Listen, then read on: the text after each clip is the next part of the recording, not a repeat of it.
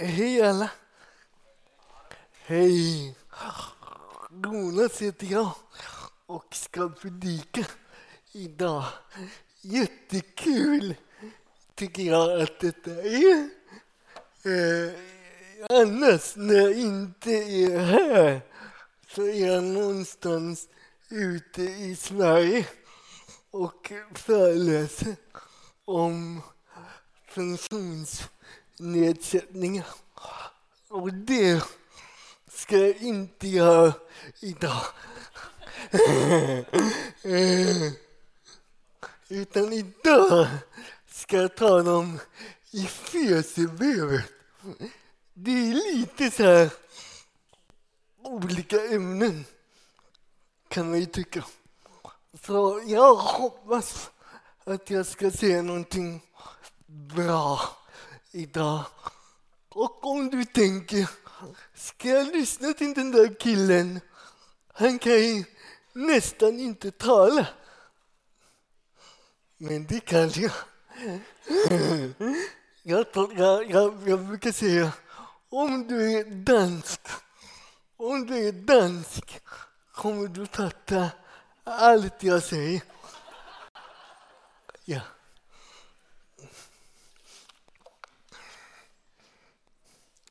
Vi ska tre söndagar tala om Efesierbrevet. Efesierbrevet är ett ganska litet brev mellan Galaterbrevet och Kolosserbrevet. Det tar ungefär en kvart, en kvart att läsa om man läser ganska snabbt. Eh, och det är ganska viktigt brev i Bibeln som vi ska tala om. Vi ska göra detta under tre stycken söndagar.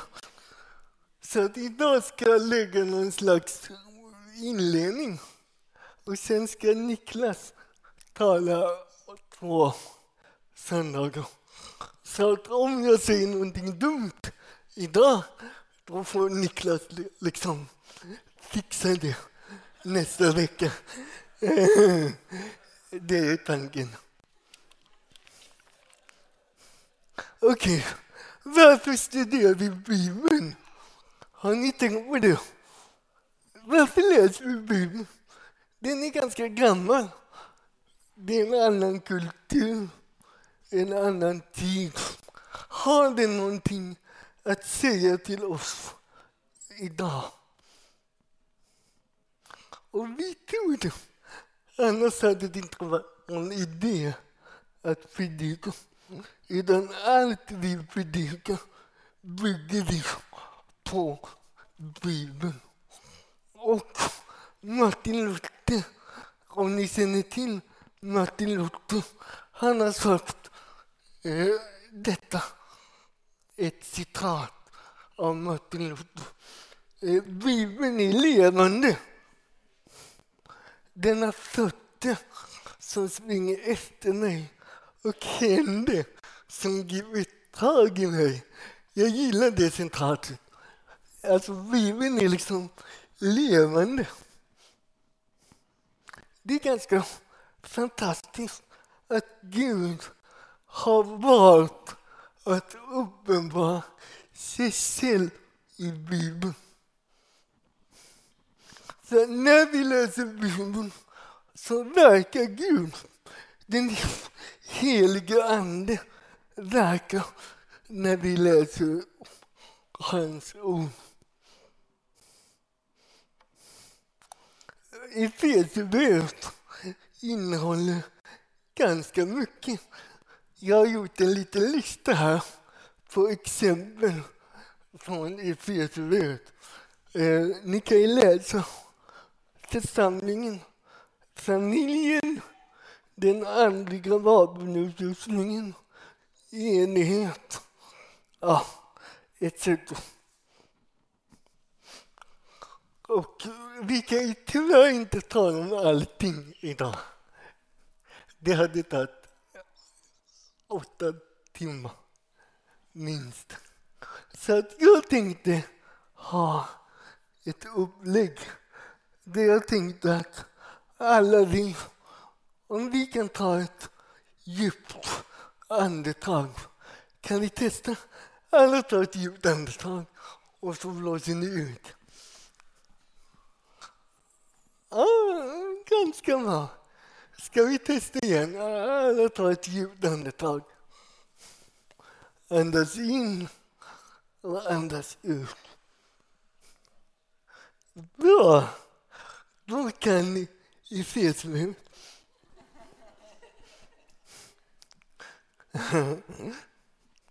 I fesmut handlar om att ta emot Gud. Andas in hans nåd, kärlek och som andas ut Gud i våra liv. Så man kan säga att kapitel 1 till 3 handlar om att andas in Gud.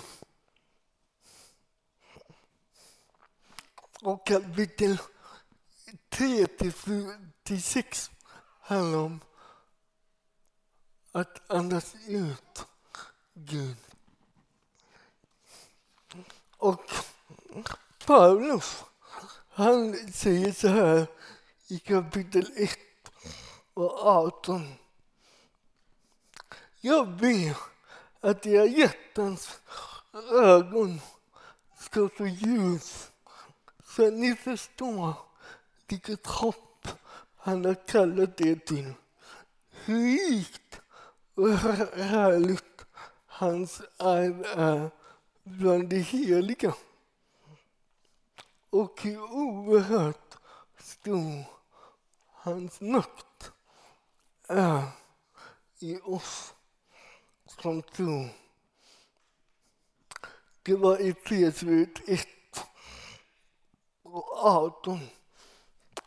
Och här kan vi se Paulus ber att vi ska förstå hur mycket vi har fått, vilket hopp Gud har kallat oss till. Så att kapitel 1 inte handlar om vad Gud har gjort. Och kapitel 4 till 6 handlar om att leva ut vår tro. Och jag tror båda är viktiga. Men om man bara andas ut utan att andas in, testa inte det. Eh, det är ingen jättelyckad taktik. Eh, och så är det med Gud. Om vi bara gör saker för Gud, då svimmar vi. Gud sög inte en kollega. Han såg en vän. Paulus lägger inte ut bara en lära att lyda utan en person, en person att älska och följa. Men om man tar motsatsen, om man bara andas in då har jag lärt mig att man hyperventilerar till slut. Fråga mig, jag har testat. Eh, andas in, andas in, andas in. Och det är inte heller tanken att vi bara ska sitta och ta emot Gud. Utan tanken är att vi ska leva ut Gud i våra liv i praktisk handling. Och någon har sagt att tro gör vi inte med huvudet utan tro gör vi med fötterna, händerna och munnen. Och det ska Niklas tala om. Att leva ut vår tro. Så att vi ska stanna här lite idag. Jag ska ge dig tre punkter eh, innan jag är färdig. Och så om du vill veta de här punkterna redan nu så säger dem. så kan du liksom titta Instagram och säga, jag, jag säger tre punkterna. ta emot hans nåd. Ta emot hans kärlek och ta emot hans helige Ande. Det är mina punkter. Och om vi börjar med punkt ett, att andas in hans nåd. Om vi fortsätter läsa i Efesierbrevet kapitel 1, vers 2 så kan vi läsa nåd var mig och frid från Gud, vår far och Herre Jesus Kristus. Och du kanske märkte här att nåd kommer först. Och detta är en hälsning som Paulus gör i nästan alla hans brev. Att nåd kommer före frid. Och jag, jag, jag, för mig är det lite eh, viktigt att det börjar med hans nåd. Och jag tror att grundpositionen för en kristen människa är detta. Nu kan inte jag öppna den handen jättebra, men du sa att ha öppna händer. Detta är liksom grundattityden för en kristen person. Att ta emot hans nåd. Och jag ska ge några bilder av Guds nåd. Den första bilden. Tänk att du alltså, har en skuld på jättemycket pengar. Och jag vet inte hur mycket pengar är för dig. Men tänk att du har en miljard. Det är för mycket för mig. Jag vet inte hur det är det. En, en miljard hade inte jag liksom. Nej, men det är inga problem. Det kan jag betala ikväll. Nej, en miljard, då hade jag bara, jag kan aldrig i mitt liv betala detta. Och så är det någon som betalar den skulden. Och enda anledningen den här, person, den här personen säger det är ja, jag älskar dig. Inget annat. Jag älskar dig. Här, jag betalar din skuld. Det är Guds nåd. En annan bild. Tänk så här. Eh, nu kanske inte det är någon som kan tänka, tänka detta, men tänk att du är i en sån här grishag. Jag vet inte ens om det kallas grishag. Men tänk att du är där grisar är. Ja. Och så är du där väldigt länge och du får någon konstig idé att jag ska nog lägga mig här och liksom verkligen göra det lite mysigt i den här geggan. Och du ligger där, kanske en dag, två dagar, jag vet inte. Du ligger där länge och du luktar liksom äckligt. Minst sagt. Och så är det någon som bjuder dig på ett spa.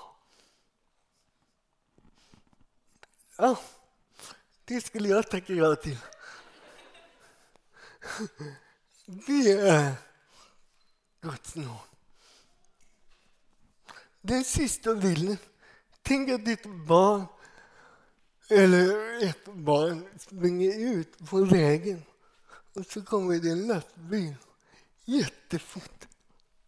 Och du kastar dig ut och du hinner precis ta tag i det här barnet och bara rycka det från vägen just innan lastbilen kommer. Det är Guds nåd.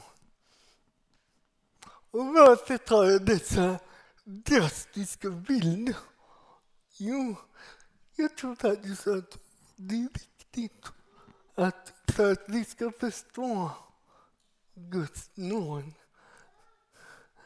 så bör vi också förstå hur otroligt förlorade vi är utan honom. Utan Gud så är det liksom, det finns inget hopp. Och när vi tar emot Guds nåd så kan vi bara säga tack. Tack. Och Guds nåd är ett för och ett efter. Vi kan läsa i Efesierbrevet 2. Också er har Gud gjort levande. Ni som var döda genom era övertygelser och synder. Så att Paulus använder också ganska drastiska bilder och säger till dig att vi var döda, andligt döda, utan Gud. Men sen kommer en härlig mening. Men Gud som är rik på barmhärtighet har älskat oss med en sån stor salig är det när vi ännu var döda genom vår övertygelse att han har gjort oss levande med Kristus. Av nåd är ni frälsta.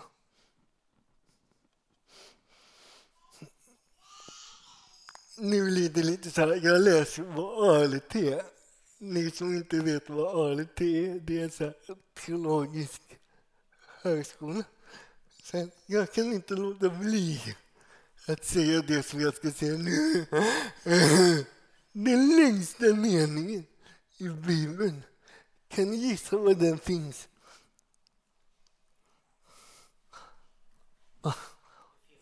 Exakt! I Efesierbrevet 1. Eh, inte på svenska. Där har de satt jättemycket punkter. Men om du läser grekiska som vi har på ALT då är det en enda mening. Och jag ska inte läsa den meningen, men jag ska säga en sammanfattning vad den handlar om. Och den handlar om att Gud har förlåtit oss vår synd. Han har välsignat oss. Han har kallat oss, utvalt oss, adopterat in oss i sin sanning. förbestämt oss till helighet och gett oss den helige Ande. Det är ganska mycket som Gud har gjort för oss. Och det kan vi andas in. Så det var punkt ett. Punkt ett var att ta, i, ta emot Guds nåd. Ofta tänker vi att vi ska ta emot hans nåd när vi blir frälsta. Och det ska vi. Men vi behöver göra detta hela tiden. Det är liksom en grund-DNA i ett kristet liv. Att leva i nåden. Att leva utifrån att det inte är upp till mig, det är upp till honom. Det är han som har räddat mig. Okej, okay. punkt nummer två. Jag hoppas att ni är vakna. Är ni det? Jag ska bara tala två timmar till. Ja, det är lugnt. Eh, punkt nummer två. Andas in hans kärlek. Ni kan läsa i Efesierbrevet 1 och 5. Ursäkta att det är mycket bibelord. Men jag tänker att vi läser ändå i Efesierbrevet så vi ska ju läsa mycket bön. Efesierbrevet 1 och 5. I kärlek har han föreställt oss till barnaskap hos honom genom Jesus Kristus efter sin goda viljas beslut. Wow. I kärlek har han föreställt oss till barnaskap. Har du tänkt på varför Gud gjorde det till hans barn? Har du tänkt på det? Varför räcker det inte att han har förlåtit oss? Och jag tänkte lite på det. Jag tror det är så här. Förlåtelse är inte målet. Det är starten. Förlåtelse är inte målet. Det är starten. Han har förlåtit oss och det är underbart. Men hans mål är gemenskap. Att han vill vara med oss. Vi kommer leva med Gud i evigheternas evighet. Det är målet. Och man kan säga så här. Varför skapar Gud människan? Och ett svar är han vill ha en större familj att älska och som skulle ära honom. Han vill ha fler att älska. Och jag tror att detta är någonting som jag har eh, blivit utmanad till. Att inte bara tänka att jag kan be Gud om förlåtelse och sen kan, kan jag leva på mitt liv. Det är inte tanken. Tanken är att vi ska leva med Gud varje dag i hans förlåtelse, absolut. Men som hans barn. Och sen kommer nästa fråga. Varför älskar han dig? Varför älskar Gud oss? Min son Alvin, det här kanske inte jag ska säga, men jag säger det ändå. Min son Alvin frågade mig en dag, pappa älskar du mig? Och jag, jag sa, ja, det är klart att jag älskar dig. Och sen kom en följdfråga. Varför gör du det? Och nu gäller det att jag inte säger fel grejer. Det är lite så här känsligt, känsligt läge. Så jag fick ju säga så här. Jag bara älskar dig. Och han bara, men varför? Varför älskar du mig? Jag vet, jag vet inte. Jag bara gör det. Och så älskar Gud dig och mig. Det är ingen anledning. Han bara gör det. Han är Gud. Han har valt att älska oss. Det det är ganska fantastiskt.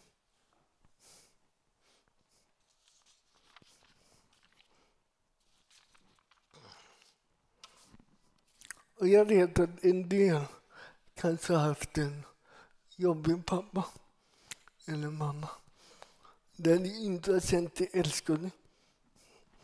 Ni kanske har känt er älskade vissa dagar när ni har varit duktiga. Men sån är inte Gud. Han älskar inte vissa dagar när du är liksom duktig. Han älskade dig till och med innan du kom till tro. Det står i Romarbrevet 5. Han bevisade sin kärlek medan du än var syndare. Då älskar han oss. Och det är en grundattityd också. Nu har jag tagit upp Guds nåd och Guds kärlek som grundattityd. Och om du någonsin tvivlar på att Gud älskar dig, titta dit på korset. Där har du beviset att han var villig att offra sig, betala alla synderna och ge oss ett nytt hjärta. Och jag skulle vilja utmana dig att ha din identitet i att Gud älskar dig. Ofta har vi identitet i karriär, pengar, hur det ligger till. Om vi mår bra, om vi mår dåligt. Och jag säger inte att det är riktiga grejer, men att ha sin identitet i att jag är älskad av Gud. Vi kristna har en förmån. Det är att vi behöver inte skapa vår identitet. Vi behöver inte leta efter vår identitet. Vi kan vila i vår identitet. Att vi redan är älskade. Och den sista punkten, punkt nummer tio. Ta emot helig ande. Och vi kan läsa från Efesierbrevet 1 och 13. I honom har också ni, när ni kom till tro, fått en utlovande helig ande som ett sigill. Anden är ett förskott som garanterar vårt arv att hans eget folk ska befrias till hans ära och pris. Här kan ni läsa att vi har fått den helige Ande. Vi fick den helige Ande när vi tog emot Jesus och började tro på Jesus. Och det står att Anden är en försmak av himlen. Vem vill inte ha det? Äh, det, det är fantastiska grejer. Anden är en försmak av hela himlen. Och du har fått den helige Ande. Men jag vill också säga, glöm inte av den helige Ande. I Efesierbrevet uttrycker det så här. Bedöva inte Guds helige Ande. Och lite längre fram. Brusa inte med vin. Det leder till vårdslöshet. Låt det istället uppfyllas av Anden. Att ha Anden, det är det naturligaste som finns. Efter Jesus stod och uppstod, var hans fokus? Att lärjungarna skulle ta emot helig ande. Och jag, jag vill också säga att det finns en otrolig variation och olikhet hur anden möter oss. Och vi kan inte göra det till lagar eller ramar. Det finns en oändlighet hur Gud möter dig och hur Gud möter mig. Men jag vill ändå säga, låt oss ha ett öppet hjärta för Gud. Guds heliga Ande, den helige Ande, han ger oss kraft. Om du skulle sätta en bil, då är den helige Ande inte extrautrustningen. utan han är motorn. Han är motorn. Och den helige Ande vill ge oss en erfarenhet att vi är Guds barn. Att inte bara bli en kunskap här uppe. Vi kan läsa i Romarbrevet 8 att Anden vittnar med vår ande att vi är Guds barn. Alltså den helige Andes uppgift är att han bara viskar till oss. Viskar till oss. Glöm inte bort att du är Guds barn. Glöm inte bort att du är älskad. Den helige Ande vill ge oss en erfarenhet att Guds rike finns mitt ibland oss. Guds heliga Ande vill ge oss en känsla av att Gud är stor. Han kan förlåta, han kan hela, han kan upprätta. Så glöm inte bort den heliga Ande. Du har redan fått den, men glöm inte bort den. Och till slut, under tiden som hon kommer upp, jag vill till slut sammanfatta det jag har sagt genom att tala om min bror. Jag har en storebror. Han heter Per. Och Per har en ganska udda hobby. Han samlar på gamla bilar.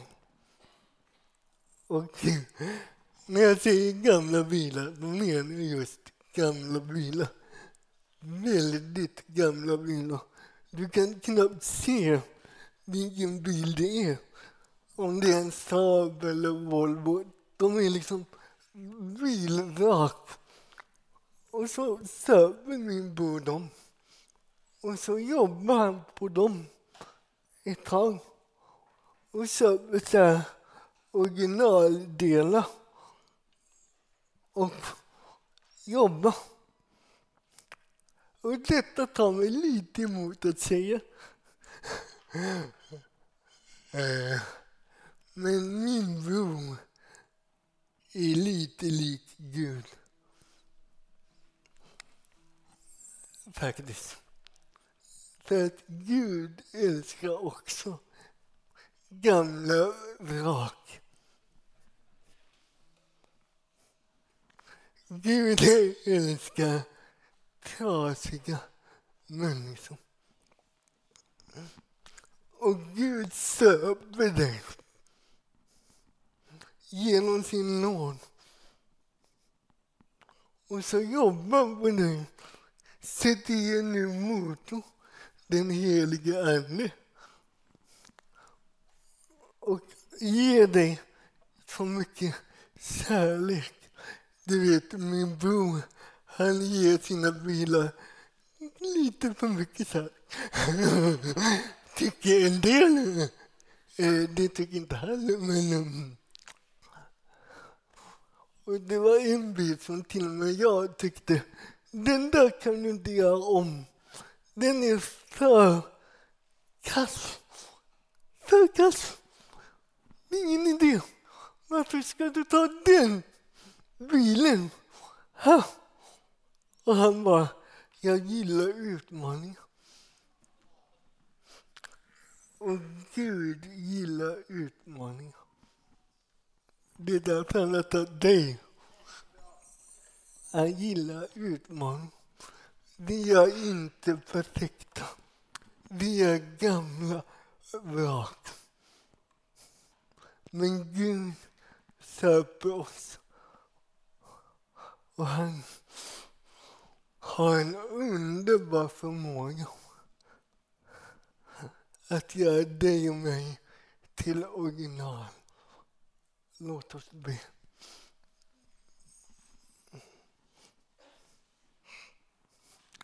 Tack Jesus för att du är här. Mm. Tack att dina ord består. Tack för i Efesierbrevet att vi får läsa det och ta emot det som du har gett oss. Tack att vi får ta emot din nåd, din kärlek och din heliga Ande. Tack att du är med oss idag, i fortsättningen. Tack att du är med oss i veckan. Tack att vi får ha vår grundposition i att ta emot av dig det som du har gett oss och det som du vill ge oss framöver. Jesu Namen. Amen.